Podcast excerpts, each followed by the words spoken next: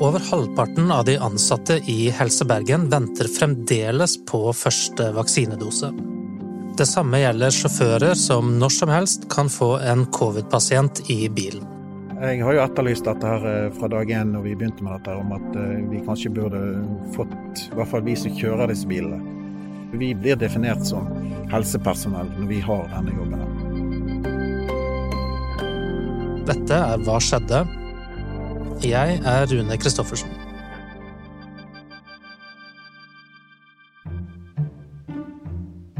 Se for deg at du kontakter fastlegen fordi du føler deg dårlig en dag.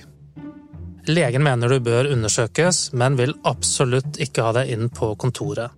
For der holder de på å gi koronavaksine til folk i risikogrupper. Legen henviser deg til en av luftveisklinikkene. Det er egne mottak som kommunen har satt opp for å ta imot pasienter som kan være smittet av korona.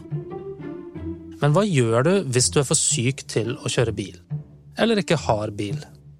Du kan ikke ta bussen, og du kan ikke be noen om å kjøre deg. Det er der covid-transporten kommer inn i bildet.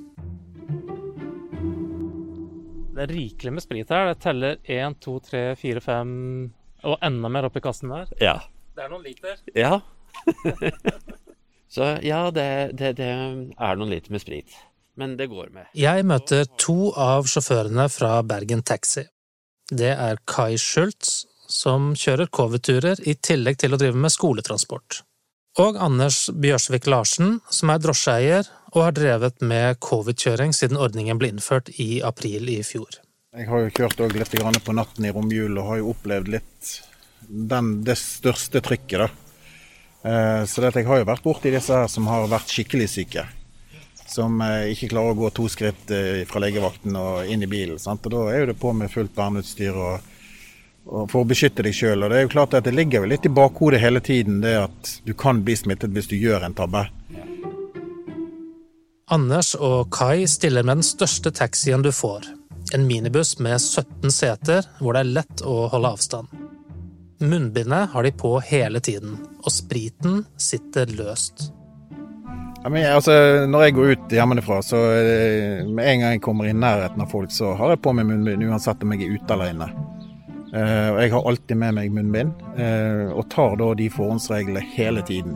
Og det er klart det at uh, å gå med munnbind på hele dagen, jo da, det er kjipe greier. Men jeg har ikke lyst til å få den sykdommen. Det er i hvert fall helt sikkert. For Anders ble det et sjokk å se hvor syk man kan bli av korona. Det gjør at han er ekstra forsiktig selv og det preger mye av hverdagen hans. Spesielt én opplevelse har gjort inntrykk. Jeg tenkte at det, er ikke mulig. Altså det, for det, altså noen pasienter får jo ikke noen symptomer. Altså han her var jo skikkelig dårlig. Og da, da, da, Du får jo et litt annet perspektiv på, på, livet generelt, om at det skal så lite til. Altså Du kan gå forbi noen, du kan stå ved siden av en på butikken, og så kan du få dette. her. Og det, Du gjør jo deg tanker om eh, livet og det som ellers er rundt deg. sant? Altså, du, blir mer, du, blir litt mer, skeptisk. Men uh, det gikk nå heldigvis bra med han uh, karen her, da. Men altså, du får jo litt sånn Kanskje litt sånn vegring for liksom nestemann. sant? Det er Helse Bergen som har avtalt med Bergen Taxi at de skal kjøre pasienter som kan være smittet av korona, eller som allerede har testet positivt. Det er sju biler som kjører sånne turer, og de har hatt opp mot 300 oppdrag i uken. Få dem lengst mulig bak i bilen, og også det at de ikke sitter og fikler med en mobiltelefon. Hva, hva er problemet med det? Det er jo en kjempesmittekilde. Sitt rolig der bak. Bilene er fulle av sprit og vaskemidler. Om nødvendig bruker sjåførene heldekkende drakter, vernebriller og visir. De har fått opplæring i smittevern, og de vet hvordan de skal behandle syke passasjerer. Nei, altså De som jeg har snakket med, jeg har jo sagt det at uh, de har levd et helt normalt liv, holdt avstand, og de skjønner ikke hvordan de har fått det. Så, så Det er jo stort sett gjengangere som går igjen. sant? Og så har du da disse familiene som én er blitt smittet, og så plutselig hele familien smittet. sant? Altså, Inkubasjonstiden er jo et par dager, sant? så de, de, vet jo ikke at de er smittet før det er for seint. Og det er jo det som gjør dette så skummelt òg. Ja. Turene går som regel til karantenehotell, legevakten, teststasjoner og sykehus, og da gjelder det et par regler om bord. Passasjerene må ta på seg engangshansker før de går inn. De må sitte på et enkeltsete bak i bilen, og det er altså forbudt å fikle med mobilen.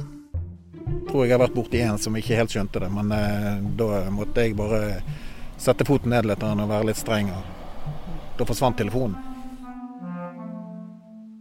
For Anders og Kai er det blitt en selvfølge å beskytte seg mot smitte, også når de ikke er på jobb. De er overrasket over at noen tenker helt annerledes. Ja, nei, altså Det er disse konspirasjonsteoretikerne. De, de skulle vært med her og sett ja. hva vi har sett. Så tror jeg nok de hadde fått eh, noen andre tanker inn i hodet.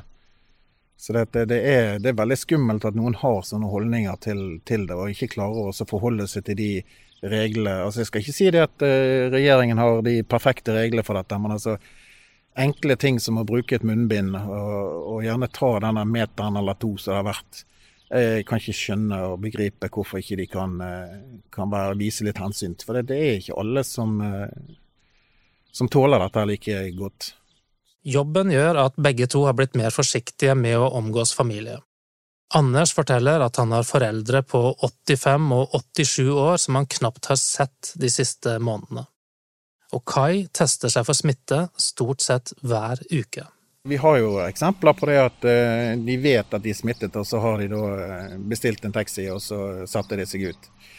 Jeg har jo Min sønn han kjører jo òg eh, covid-biler, og der han kom i karantene i ti dager. Han ble heldigvis ikke smittet, men altså det er jo veldig uansvarlig, da.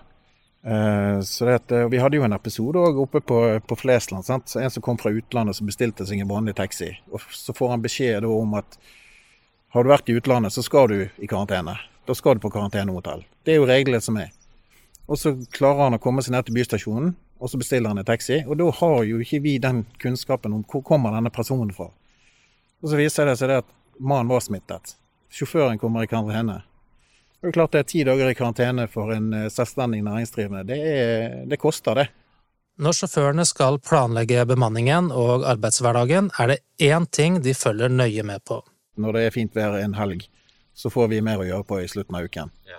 Så det, det, er klart at vi følger jo med på disse smittetallene hver eneste dag. Altså Jeg har jo eh, Bergen kommune sin eh, smitteoversikt lagret på telefonen. Så det er det første jeg gjør når klokken er tolv, det er å gå inn og se hvor mange er det som er smittet. Sant? Og Da vet jo vi det at vi må, kanskje må bemanne opp, må hente inn en helgesjåfør eller Når turen er ferdig, må bilen vaskes. Av og til er det smittede barn med. Da blir vaskejobben større. Hele barnesetet må dynkes i desinfeksjonsvæske og tørke etterpå. Vi har jo alt dette verneutstyret og disse prosedyrene som vi gjør, så, så, skal jo det gå bra. Og nå har vi holdt på med dette siden april i fjor. Ja. Og det er ingen av disse som jeg vet om av disse sjåførene som kjører disse bilene, som har blitt smittet på jobb. Så det, eh, jeg angrer ikke på at vi gikk med på dette. Det gjør jeg ikke. Likevel stusser begge to på at de ennå ikke har fått vaksine, selv om de til tider kommer tett på syke pasienter. Ja, nå eh, har jo ikke vi fått noe tilbud om eh, vaksine. Jeg har jo etterlyst dette her eh, fra dag én når vi begynte med dette, om at eh, vi kanskje burde fått, i hvert fall vi som kjører disse bilene. Men vi har ikke fått noe eh, tilbakemelding på det. Så enten har jo vært det at jeg har på eget initiativ så har jeg da ringt til Øygarden kommune, snakket med smittevernlegene her ute og kommunelegen.